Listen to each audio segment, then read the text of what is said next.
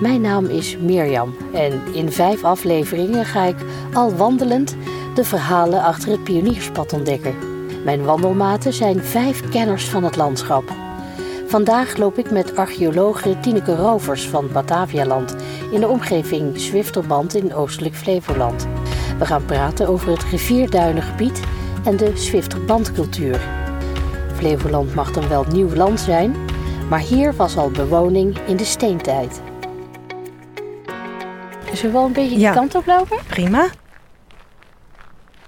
Dit stukje Flevoland ziet er heel anders uit als de rest. De rest is rechthoekig, eh, is eh, helemaal geordend. En hier zie je golvende lijnen. Eh, de, de bomen die lopen niet in een rechte lijn, maar die lopen gegolfd. Ja. Er is een weiland hier tussen wat ook gegolfd is. Hiermee wordt het oude prehistorische landschap verbeeld, wat hier in de ondergrond zit. Met het eh, droogleggen zijn er overal sloten gegraven, kavelsloten voor de ontwatering. Ja. In die slootprofielen, daar vonden ze eh, stukjes aardewerk en vuursteentjes van een tot dan toe volkomen onbekende cultuur.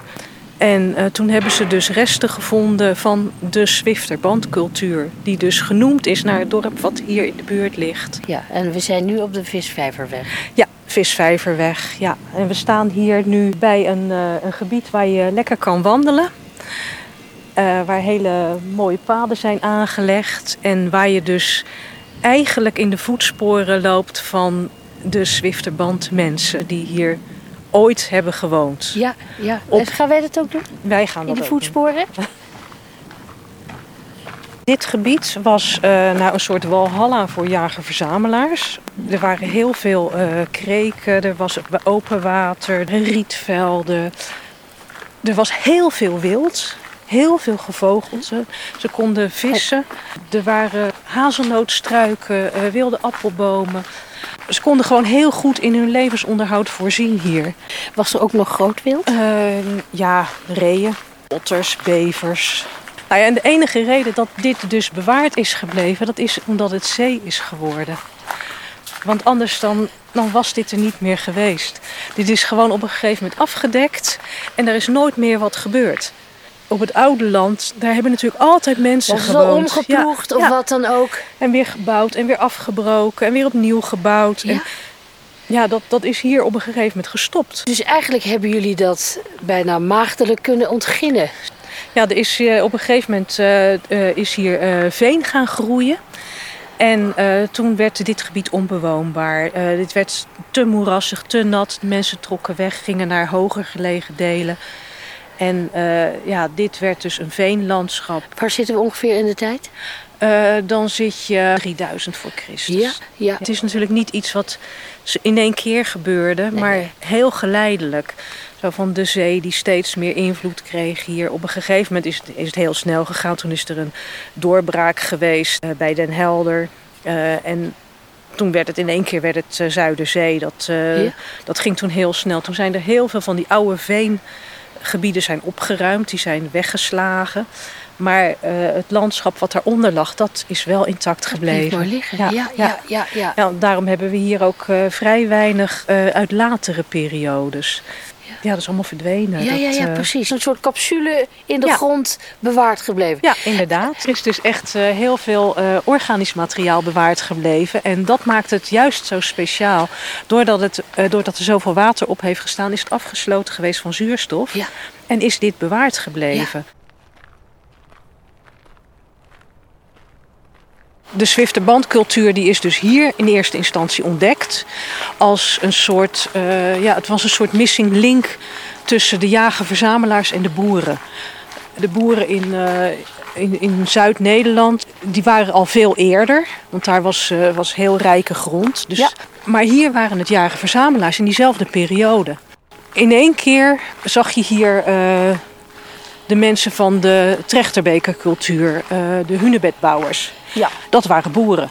Ja. Dus wat zat daar tussenin? Dat was gewoon zoek. Ja. En met de Zwifterbandcultuur eh zijn ze dus erachter gekomen dat die, die mensen die leefden dus precies op die grens. Het waren jager-verzamelaars, maar ook boeren. En moet je niet zien zoals boeren hier, eh, Nee. maar hele kleine akkertjes Ja. op die oeverwallen. Waar eh, wat, eh, wat van die oude graansoorten werden verbouwd, zoals emmertarwe, naakte gerst. En eh, ze hielden wat vee achter de oeverwallen in het lager gelegen gebied. Eh, varkens, wat koeien. Heel even nog daarover, want ik denk dat dat toch wel heel erg bepalend is geweest voor überhaupt de ontwikkeling van de mens. Eerst ging die jagen, verzamelen. Mhm. Dat wil zeggen, hij verplaatste zich en putte eigenlijk het landschap niet mega Nee, uit. nee. Want elke keer kreeg die natuur weer de kans om zich te Mhm. herstellen. En toen kwam eigenlijk dat fenomeen, we gaan boeren. We gaan op één Ja. plek zitten, we Ja. gaan eigenlijk zelf de natuur naar onze hand zetten. Ja. Dat is een beetje in die periode gebeurd. Hè? Is er een overloop geweest van andere culturen waar ze dat van afgekeken hebben? Hebben jullie daar zicht op? Nou, het is natuurlijk niet zo dat ze helemaal geïsoleerd zaten hier. Want eh, dat denken we wel eens dat mensen in de prehistorie op hun kleine eilandje zaten en nergens naartoe gingen. Maar het blijkt dat, er, dat die mensen heel veel reisden. Dat die echt wel. Nou Te voet. Ja, ja. Ja. Of met per kano. Ja. Want ze hadden hier natuurlijk die kreken, je hebt die grote rivierstelsels. Dus die mensen die hadden, hadden echt wel contacten. Want dat kan je ook zien aan, aan het vondstmateriaal uit, eh, uit die Zwifterbandcultuur. Eh, het, het was niet alleen maar spul wat ze hier vonden. Eh, er, was ook eh, vuursteen uit Zuid-Limburg. Dus die contacten met die boeren daar waren er wel degelijk. Eh, er was barnsteen, dat komt uit Scandinavië of van de eilanden Texel en zo. Dus ze hadden best wel veel, veel contacten. En wat voor soort vondsten hebben jullie nog teruggevonden? Was jij Ehm. daar trouwens zelf bij betrokken? Ja, het was wel heel, heel spectaculair dat op een gegeven moment eh, we naar een stuk eh, van, de, van de opgravingsput aan het kijken waren. En dat zag er allemaal zo apart uit. Heel erg helemaal verrommeld. En toen keken we in de wand en toen zagen we dus sporen die alleen maar gemaakt konden zijn met een hakwerktuig. Toen hadden we dus de eerste hadden we een akker te pakken. Uit de prehistorie van de Zwifterbandcultuur. Daar, eh, daar was dus, had- hadden de mensen dus hun akker bewerkt, klaargemaakt om te zaaien. En toen is er blijkbaar een overstroming geweest, waardoor er schoon, eh, schone klei ingespoeld is. En ze hebben die akker niet meer bewerkt. Ik weet niet, je weet natuurlijk niet wat daar gebeurd is, maar blijkbaar konden ze niet zaaien, zijn ze weggegaan, zijn ze jaren later weer teruggekomen. Maar dat laagje, dat, dat, Dat, zat daar nog. dat zat daar nog. Ja. En Nou ja. doordat dat dus ingespoeld was met schone klei, Ja. kon je dus die sporen Konden zien. jullie dat heel goed identificeren? Ja. Ja, dat is inderdaad zag- spectaculair. dus echt Ongelooflijk. schuine En- sporen. En nogmaals, over hoe lang geleden praten we dan? Eh 6500 jaar geleden. Ja, Ja. ja dat, is, eh, dat is lang. Ja, Dat dat is- is heel lang geleden. Geweldig. Nou, dat, dus dat, dat was een akker. Ja, En, en, en eh, nog andere artefacten gevonden. Eh, ja het nodige aardewerk. eh, en dat waren, was aardewerk met puntbodems. Dus een, een, bodem die, die echt helemaal zo taps toeliep.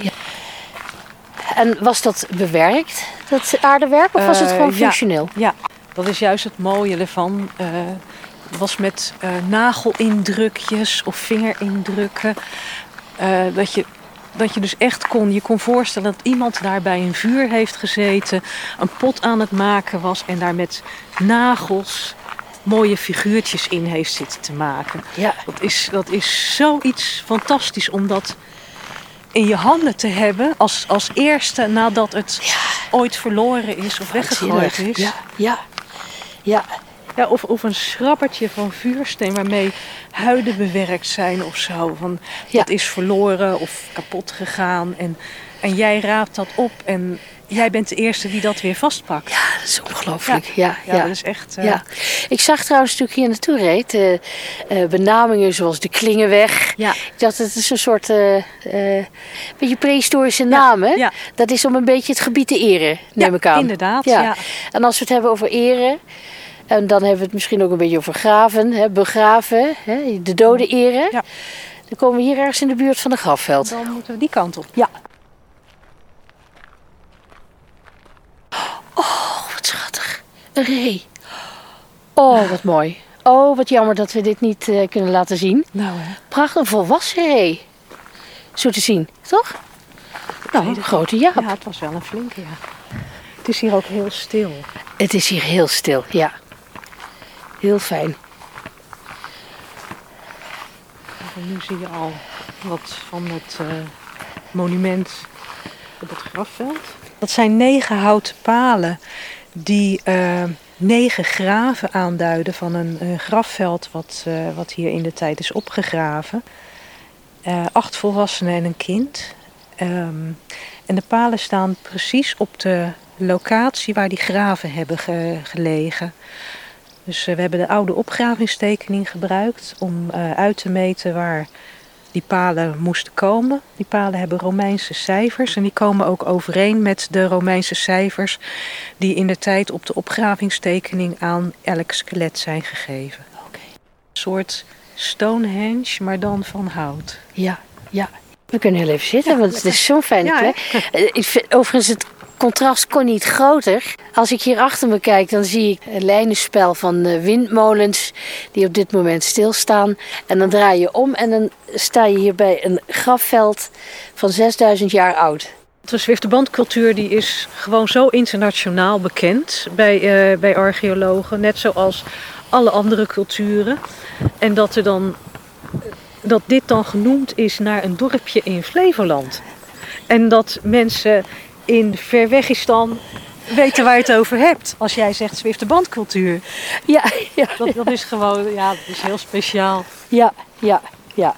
Ja, dit is dus wereldwijd bekend. Ja, ja dit is echt uh, internationaal. Want er zijn, op een gegeven moment zijn er natuurlijk uh, op andere locaties ook dit soort vondsten uh, uit de bodem gekomen. En die konden toen toegeschreven worden aan de Zwifterbandcultuur. Ook bijvoorbeeld in Noord-Duitsland. Diezelfde was, cultuur? Ja, diezelfde cultuur. Het was ja. gewoon veel wijdverspreider dan... Die, die cultuur speelde zich niet hier nee, af nee. Uh, in een zekere Alleen wij zijn de eerste die, het, die ze gevonden hebben. Ja, ja. Ja, ja speciaal. Ja, ja zeker. Ja. ja. En wij zijn degene die uh, de meeste organische resten hebben. Want ja, op zandgrond is dat allemaal niet bewaard gebleven. Ja, ja. Dus ook, uh, ook ten zuiden van dit uh, gebied is uh, Zwifterbandcultuur aangetroffen. En ten oosten hiervan. En wie weet waar ze nog meer tevoorschijn komen. Ja, ja, ja. Goh. Nog even terug naar die Zwifterbandman. Wat is daar het verhaal achter? Uh, die Zwifterbandman is dus uh, hier gevonden. Dat is een, een, deel van dit grafveld. En uh, die is gevonden met, een, met een barnstenen hoofdtooi. Een amulet van zwijnentand. En daardoor is er gezegd zo van nou dit moet wel, dit is de rij, het rijkste graf. Dus haakjes van. Er was ook nog een vrouwengraf, minstens zo rijk. Maar ja, die was in een hele slechte conditie. Dus uh, die is niet zo gepromoot als de Zwifte Bandman. Maar misschien was de hoofdman van de Zwifte Bandcultuur van dit gebied wel een vrouw. Nou, dat is wel leuk stof tot ja. nadenken, ja, zoiets. Ja. ja. We zitten hier nu op een bankje en dan denken we het bankje weg. En dan gaan we terug uh, naar die tijd. Ja. Dan zouden wij het uh, niet cheffen. Wij zouden het niet overleven. uh, nee, nee, dat uh, zou inderdaad heel moeilijk worden. Ja. Dat, wel, wel steeds meer teruggegaan wordt naar natuurlijkere manieren van leven. Ja, ja. En dat mensen toch steeds bewuster worden van wat ze in de winkel kopen. En dat dat misschien toch niet zo zaligmakend is. En ja, veel mensen toch een klein stukje grond en daar hun eigen groenten op verbouwen. Ja. Eigen kippen houden. Ja, en dat zie je eigenlijk hier in Flevoland zie je dat ook veel. Je hebt hier ook heel veel uh, biologische boeren. Daar gaan we het een andere aflevering ook okay. over hebben. Ja. ja, maar het past wel hier bij, dat, uh, ja. bij het landschap. Ja. Ja. ja.